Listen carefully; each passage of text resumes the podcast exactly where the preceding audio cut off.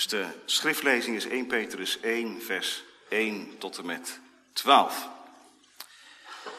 Daar lezen wij het woord van de Heere als volgt.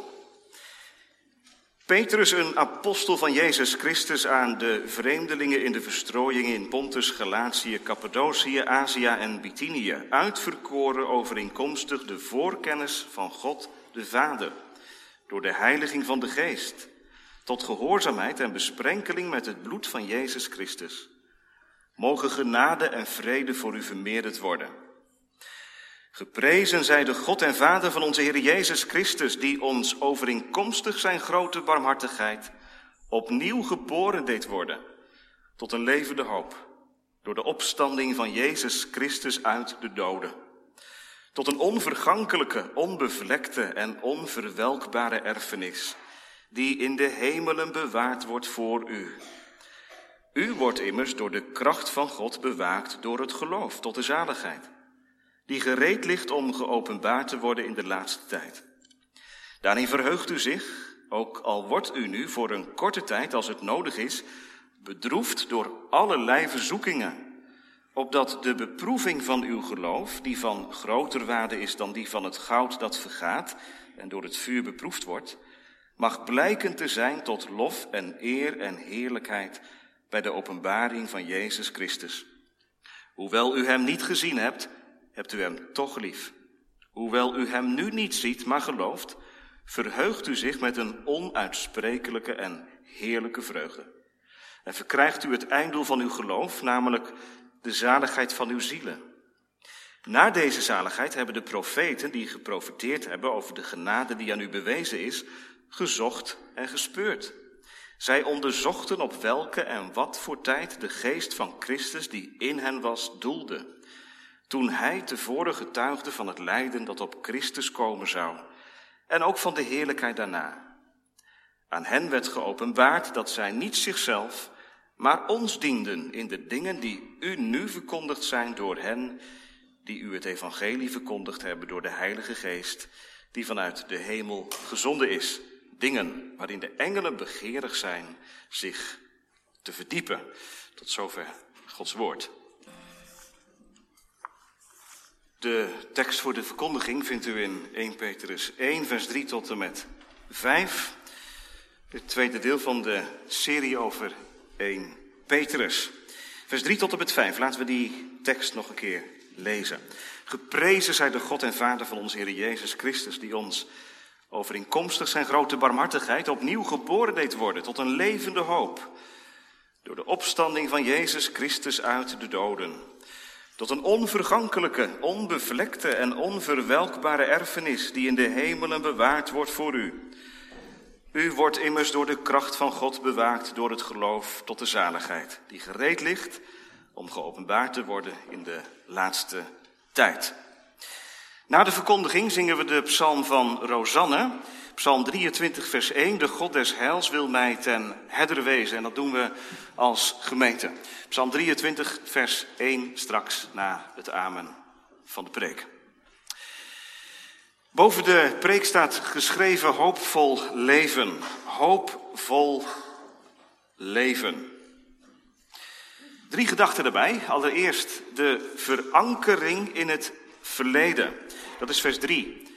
Die hoop is ergens op gebaseerd, is ergens in verankerd. In de tweede plaats de verwachting voor de toekomst. De hoop strekt zich ergens naar uit, vers 4, naar de erfenis die bewaard wordt voor u. En tot slot, dat betekent ook iets voor vandaag. De bescherming voor vandaag. Vers 5, u wordt immers door de kracht van God bewaakt door het geloof enzovoort.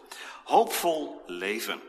De verankering in het verleden, de verwachting voor de toekomst, de bescherming voor vandaag. En dat zijn, denk ik, de drie aspecten die jullie ook nodig hebben. Om de leidenis van het geloof af te leggen en om het vol te houden achter hem aan. Allereerst de verankering in het verleden. Geprezen zij de God en Vader van onze Heer Jezus Christus. Dat is nogal een inzet, hè, gemeente. Lofzang. Dat is hoog, hè? Kun je erbij vanmorgen? Zou je in het koor aan kunnen schuiven vanmorgen met deze zeven jonge mensen? Geprezen zij de God en Vader van onze Heer Jezus Christus, die ons, is geen solist, Petrus is geen individuutje, die zijn ervaring neerlegt. Nee, hij voegt zich blijkbaar in een gemeenschap van velen. En jonge mensen, jullie zijn met z'n zevenen vanmorgen, maar all over the world zijn zoveel kinderen van God, broeders en zusters, die een even kostbaar geloof beleiden als jullie deze morgen hier in deze Victorkerk doen. Bedenk dat. Bedenk dat. Maak deel uit van een gemeenschap. Waarom zeg ik dat met nadruk? Nou ja, die anderhalve meter die nu tussen jullie stoelen zit, is natuurlijk tekenend voor onze tijd. Afstand, social distance. Maar laat dat niet doorwerken in gemeenschapszin. In het met elkaar verbonden blijven, ook na twee jaar beleideniscategorisatie. Want dan trek je intensief met elkaar op. En de laatste avonden in klein verband. Het was goed en mooi. En daarna, hou elkaar vast en bedenk, er staat een grote kring om jullie heen. Die gemeente, dat doen we toch, de handreiken. Figuurlijk dan, de handreiken. Meebidden, en pak die hand aan. Die ons. Deel van het lichaam van Christus ben je blijkbaar. Als je dit kunt zeggen. Nou ja, zeggen, het is eigenlijk meer zingen. Geprezen zij de God en Vader van onze Heer Jezus Christus. Gemeente, Gods barmhartigheid doet zingen. Daar kun je niet over filosoferen, over analyseren. Daar moet je van zingen. Dat is de bedoeling blijkbaar. Het gaat om wat God zonder ons in ons doet. En als dat plaatsvindt, dan is dat volop reden tot lof en tot aanbidding. Daar heeft Petrus het over, nadat hij in de aanhef verteld heeft aan wie hij schrijft, zegt hij in de eerste regels van zijn brief, wat hem echt op zijn hart ligt. Geprezen zij de God en Vader van onze Heer Jezus Christus, die ons, ik sluit mezelf daarbij in, zegt Petrus, overeenkomstig zijn grote barmhartigheid, opnieuw. De vorige keer kwamen we over eh, de uitverkiezing, kwamen op de uitverkiezing, ook zo'n fundamenteel begrip. Nu wedergeboorte. En misschien herinnert u zich nog dat ik twee weken terug zei, uitverkiezing, dat is niet iets om te, van te gaan zuchten. Oh nee, de uitverkiezing om, van, om van te gaan zingen. Dat is met de wedergeboorte net zo. Wedergeboorte is niet bedoeld om te gaan zuchten, maar om van te zingen. Ja, zegt iemand. Mag ik even inbreken in de preek? Ja, dat mag.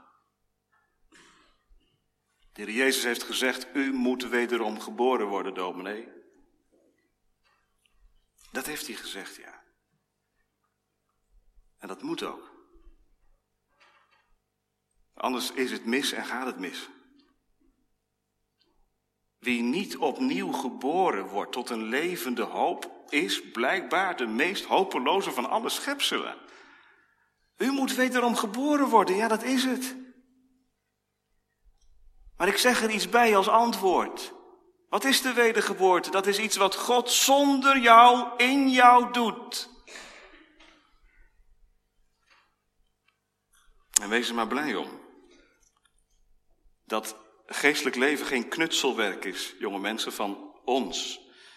Even twee jaar beleidingscategorisatie volgen en dan proberen op het rechte pad te blijven. Dat is niet het christelijk leven. Wat is het christelijk leven dan? wedergeboren zijn, opnieuw geboren zijn tot een levende hoop. Petrus benadrukt het allereerste begin van God, wat hij doet als in het leven van een zondaar Gods genade werkelijkheid wordt. Gemeente, hij staat aan het begin. Zeg je er aan op vanmorgen? Als je beleidenis gedaan hebt in het verleden. Niet mijn jawoord, Maar zijn werk in mij was het begin. Christen zijn is blijkbaar geen kwestie van een besluit nemen of het houden van regels, maar is in essentie het ontvangen van nieuw leven. Wel opmerkelijk hè, dat Petrus zo inzet. Zou hij dat 30 jaar geleden ook gedaan hebben? Wij kennen Petrus toch wel, kinderen, uit de Bijbel, uit de Evangelie. De man die zei, ik zal u volgen waar u ook heen gaat. Ik zal voor u strijden. Ik ga met u mee in de gevangenis. Dat was Petrus. En in deze brief is hij ouder geworden, wijzer geworden, geestelijk gerijpt. En begint hij heel anders. Geprezen zij de God en Vader van onze Heer Jezus Christus, die ons overeenkomstig zijn grote barmhartigheid opnieuw geboren deed worden tot een levende hoop. Blijkbaar is dat geestelijke groeigemeente dat je hoe langer hoe meer ziet en onder woorden brengt. Niet ik, maar Hij. Hij moet groeien, ik minder worden. En is dat ook niet de voortdurende verwondering van iemand die van harte gelooft in Christus? Je krijgt het al minder op een rij. Hij begon en hij houdt vast. Opnieuw geboren. De dank is dan ook aan God. Nou, Petrus zegt er nog iets bij. Aan de God. Niet een van de vele goden, maar de God en Vader van onze Heer Jezus Christus. Gemeente, zo is er maar één. De God en Vader van onze Heer Jezus Christus, die zijn eigen zoon opgewekt heeft uit de doden. Die als vader één zoon heeft, maar ook veel kinderen tot de heerlijkheid wil leiden. Zo is er maar één. Deze God en Vader beleiden jullie straks. Jullie zijn niet een beetje religieus.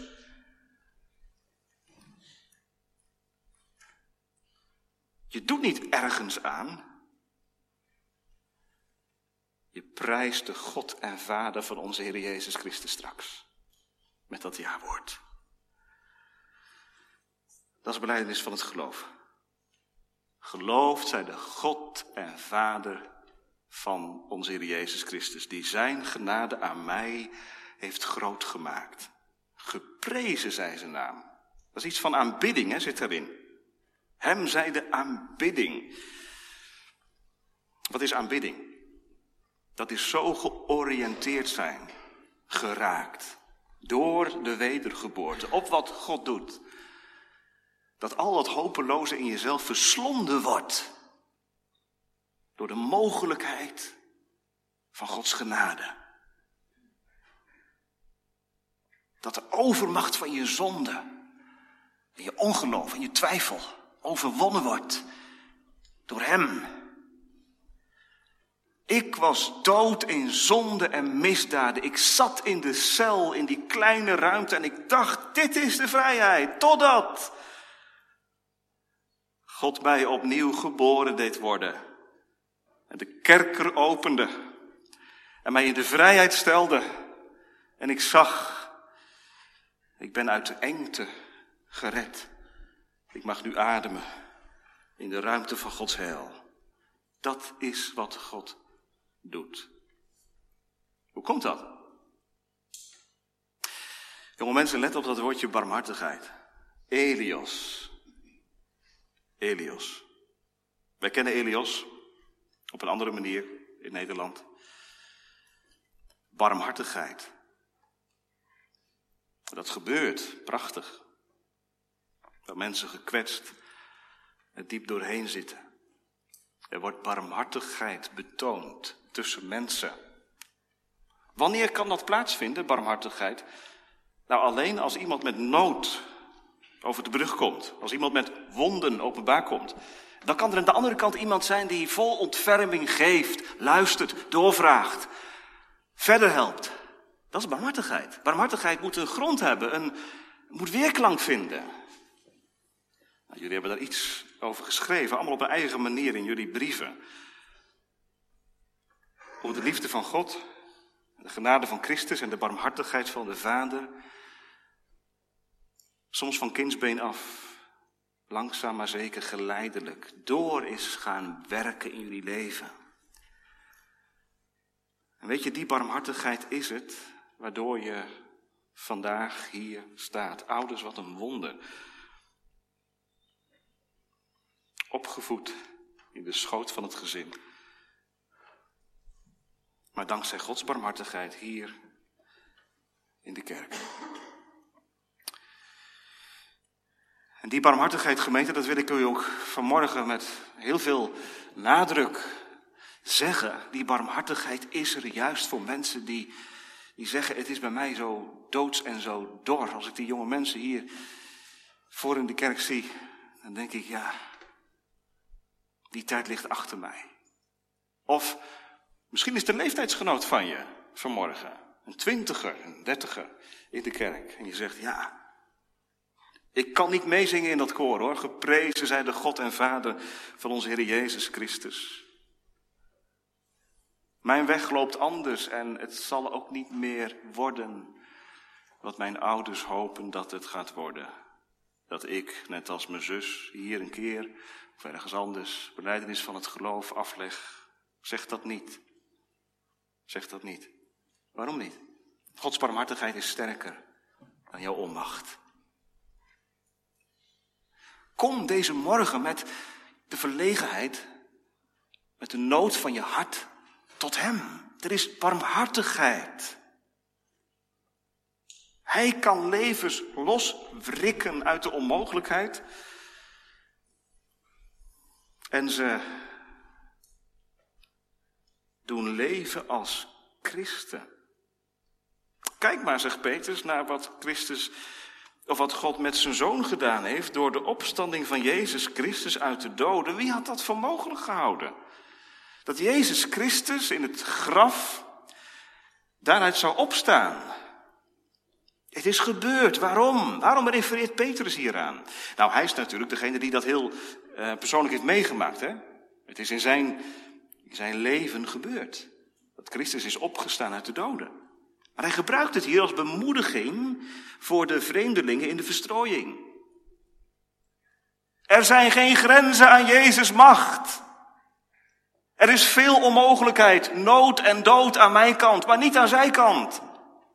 Zijn barmhartigheid, zijn grote barmhartigheid is een bron die opwelt en die niet stopt. Het enige wat je hoeft te doen vanmorgen is te komen met je lege handen. Om je te laven aan de barmhartigheid van God. Gemeente, de kerk is de plaats waar Gods barmhartigheid uitgedeeld wordt. Je hebt geen intake nodig. Echt niet. Je mag nu vanuit je bank tot hem komen. En wat is tot hem komen dan anders dan je onmacht en alles wat er in je hart is, wat niet op God lijkt, voor hem neerleggen. Ik heb het zelf ervaren, zegt Petrus. Geprezen zij de God en Vader van onze Heer Jezus Christus mercy voor grote zondaren. Opnieuw geboren. Er is een dertiger die meeluistert en die zegt, hoe gaat dat dan dominee, die wedergeboorte? Nou nog even dan, voordat we naar punt 2 gaan. Hoe, hoe, hoe werkt dat? Hoe... Ik kwam ergens een voorbeeld tegen, misschien helpt het een beetje voor jou.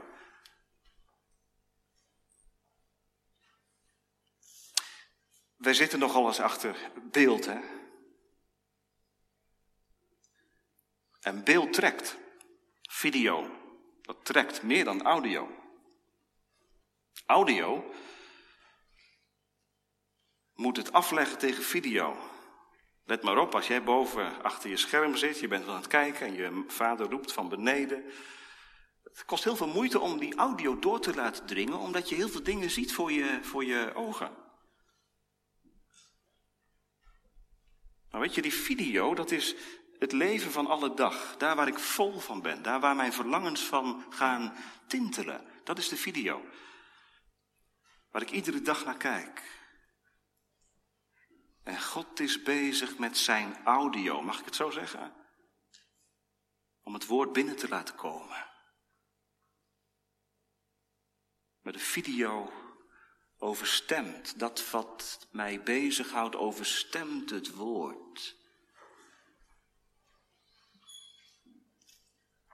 En toch gebeurt het bij uitstek waar het woord van God opengaat en in de samenkomst van de gemeente dat de audio van het woord, de video van mijn leven binnenkomt. Dat is Gods grote barmhartigheid. Waardoor mijn liefde, mijn verlangens omgebogen worden. Augustinus heeft dat dus heel mooi onder woorden gebracht. Hij zei, wat is bekering, wat is, eh, wat is christelijk leven? Dat is dat je verlangens die er zijn en die ieder mens heeft en die je ergens op richt en die je ergens op oriënteert, dat die omgebogen worden zodat jij echt gaat liefhebben wat God wil dat je lief hebt en waar je ook beter van wordt. Waar je ook toekomst van krijgt. Nou, dat gebeurt. Geprezen zij de God en Vader van onze Heer Jezus Christus.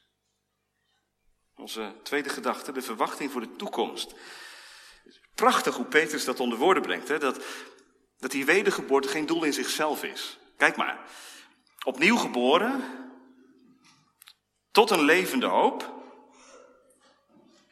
En daar zullen we het zo even over hebben wat dat is. Tot een onvergankelijke, onbevlekte en onverwelkbare erfenis. Dus wedergeboorte tot, ziet u dat? Twee keer staat het er. Tot. Wedergeboorte tot een levende hoop. Wedergeboorte tot een onvergankelijke erfenis. Dus wedergeboorte gaat ergens naartoe, werkt iets uit. Daarom kan het ook niet anders, of, of het geloof in Jezus, dat, dat brengt vruchten met zich mee.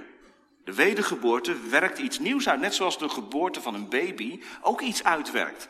Dat, een kindje wordt geboren, maar ontwikkelt ook. Het ontvangt voeding en daardoor ontwikkelt het lichamelijk en psychisch en noem maar op. Zo is het ook met iemand die wedergeboren is, zegt Petrus. Je wordt wedergeboren tot een levende hoop. Nee, je wordt er niets mee. Je gaat niet de bekeerde man of de bekeerde vrouw uithangen. Ik ben, uh, ik ben bekeerd. Nee, levende hoop. Dat is iets anders. Wedergeboorte maakt klein. Maakt heel afhankelijk.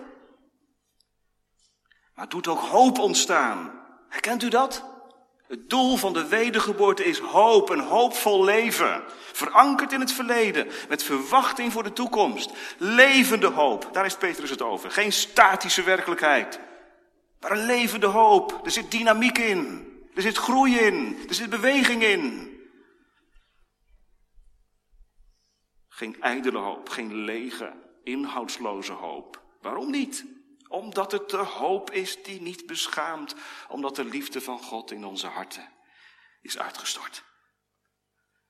Dat is toch geweldig? En zoveel dingen die je bezig kunnen houden. Zoveel trobbels, zoveel zorgen. Zoveel wat je naar beneden kan trekken. Ook na het beleidenis doen. Sommigen van jullie hebben het ook uitgesproken. Hoe hou je dit vol? Want ja, zo'n beleidenisdienst, dat gaat dan nog wel. Maar hoe hou je het vol als het gewone leven weer doorgaat? Gods barmhartigheid, die ons opnieuw geboren deed worden tot een levende hoop, dat is de bron waardoor het gebeurt. Wat? Dat je gaat hopen, dwars door alles heen, op die erfenis die weggelegd is. Want lieve mensen, daar gaat het uiteindelijk toch naartoe. Hè? Beleidenis van het geloof leg je af in het midden van de gemeente. Maar over honderd jaar zijn we er niet meer. Wij beleiden het geloof in Jezus Christus, omdat wij geloven dat er een nieuwe toekomst wacht, toch? Petrus gebruikte voor het woord erfenis. En het woord erfenis roept dat oud-testamentische beeld op van het land Canaan. Wat als erfenis beloofd werd al aan Abraham. Weet u kinderen? U zult het land ontvangen als u gaat in mijn spoor, als u de belofte gelooft. U zult het land ontvangen. Nou, ging dat zomaar? Oh, wat was dat land een kwetsbaar bezit, hè? Want dat land kon ingenomen worden door vijanden. Het kon verwoest worden en dat is, het ook, is ook gebeurd, hè? Dus dat land, dat was iets heel kwetsbaars. Die erfenis die God toezegde, dat was omgeven met allerlei problemen en zorgen. Nu zegt Petrus, kinderen van God, jullie ontvangen een erfenis die onvergankelijk, onbevlekt en onverwelkbaar is. Kinderen in de kerk, als je wel eens um, iets heel moois gezien hebt, of iets heel groots gezien hebt, wat zeg je dan als je thuis komt? Ik zag iets zo onvoorstelbaars moois, zo ongelooflijk groot. Waarom zeg je dat? Waarom gebruik je dat woordje on? Om aan te geven dat je het eigenlijk niet onder woorden kunt brengen. Waarom gebruikt Petrus tot drie keer toe dat woordje on? Omdat het ons bevattingsvermogen te boven gaat. Die erfenis is onvergankelijk, onbevlekt en onverwelkbaar. Onvergankelijk, het zal niet vergaan. Onbevlekt, het zal zijn schoonheid nooit verliezen. Onverwelkbaar, het zal zijn aantrekkelijkheid niet verliezen. Het is bestand tegen de moker van de dood, onvergankelijk. Het is bestand tegen het bederf van de zonde, onbevlekt. Het is bestand tegen de tand des tijds, onverwelkbaar. Hemels bezit. Wat is dat dan, die erfenis? Paulus zal laten zeggen wat geen oog heeft gezien en wat geen oor heeft gehoord en wat in jouw hart nooit is opgeklommen, wat je stoutste verwachtingen overtreft, dat heeft God weggelegd voor degenen die Hem vrezen. Het kan in menselijke taal niet uitgezegd worden, maar het is wel iets om naar te verlangen. Een erfenis. Een erfenis, kinderen, krijg je. Die verdien je niet. Die ontvang je. En je weet soms ook niet hoeveel die erfenis is en wat die erfenis is.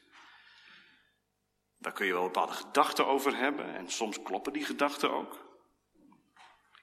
Maar de echte, volle beleving ervan, ja, dat maak je pas mee als je die erfenis ook echt ontvangt. Erfenis.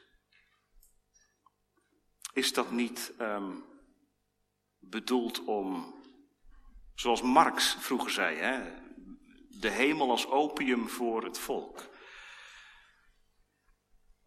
Eindgoed, al goed. Nee. Het is bedoeld om duidelijk te maken wat het christenleven inhoudt. Het christenleven is het leven van een vreemdeling, van een pelgrim die op doorreis is, die onderweg is en die straks de erfenis ontvangt. God legt hem nu niet in mijn handen. Hij wordt veilig bewaard. In de hemelen staat erbij. Voor u, voor jou persoonlijk. Voor jou persoonlijk. Hoop daarop.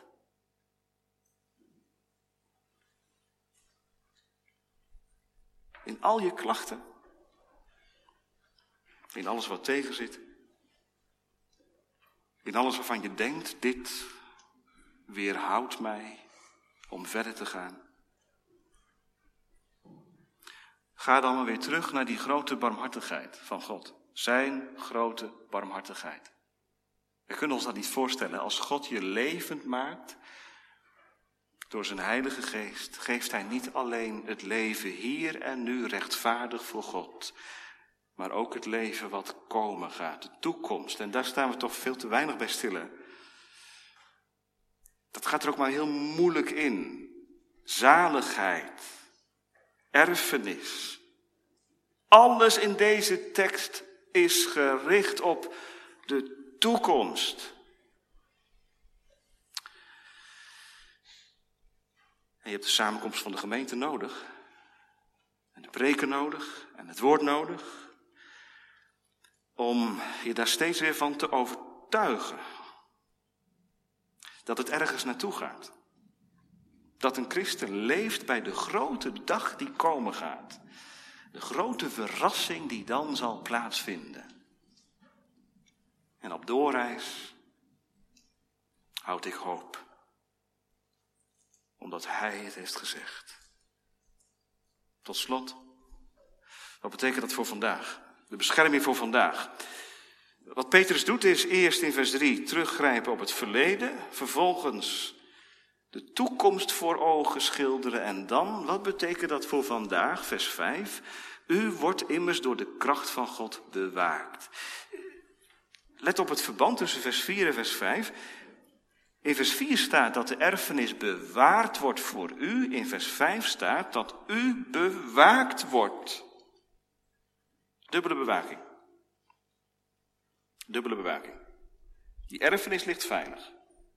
Maar hoe zit het met mij dan? En hoe zit het met de aanvallen van de boze? En hoe zit het met de verleidingen van deze wereld? Hoe, hoe moet ik omgaan met ongeloof? U wordt bewaakt, staat er. Alles wat pogingen doet om het nieuwe leven wat uit God is kapot te maken, zal niet lukken. Al maakt de duivel het je wijs, je hebt geen hel bij God, het is nooit echt geweest. U wordt bewaakt. Dat woordje bewaken is een militaire term. Kinderen zoals vroeger steden bewaakt werden door hele garnizoenen soldaten. En die soldaten die, die lagen eigenlijk als een, als een cirkel om de stad heen. Wilde je de stad inkomen, wilde je uh, overwinning behalen, moest je eerst die soldaten verslaan. Dat geeft natuurlijk een geveilig gevoel, hè? als je in die stad verkeert, je hebt die dikke stadsmuren en daarbuiten een garnizoen soldaten wat de vijand op op de, op de, op de vlucht jaagt en op afstand houdt.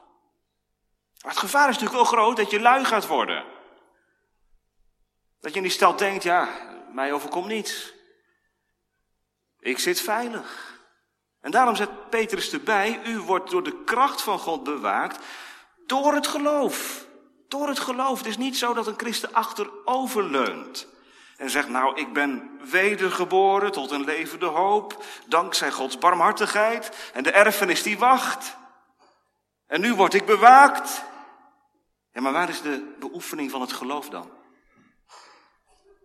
Wat is dat dan? Dat is het leven met de Heer. Met vallen en opstaan, het iedere dag. Je richten op wat Hij gedaan heeft in Christus door het geloof. Geloof oefenen op God.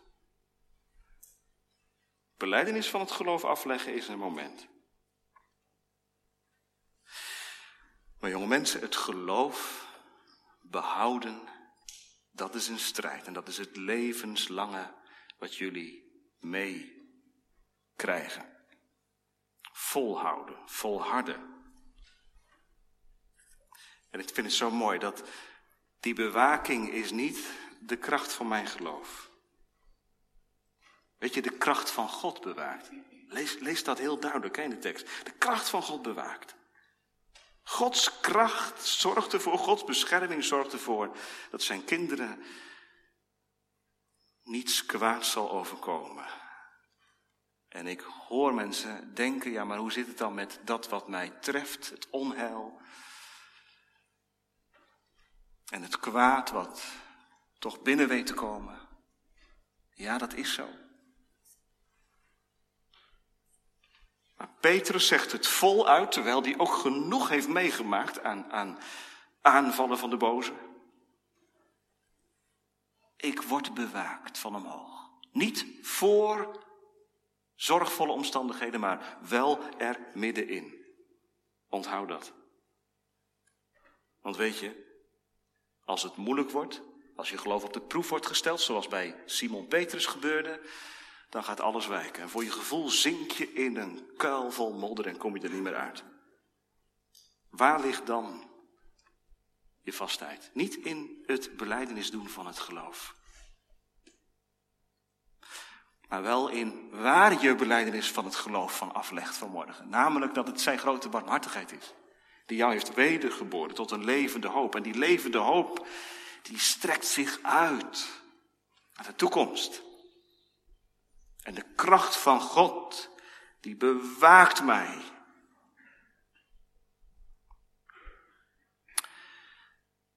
Die gereed ligt om geopenbaard te worden in de laatste tijd.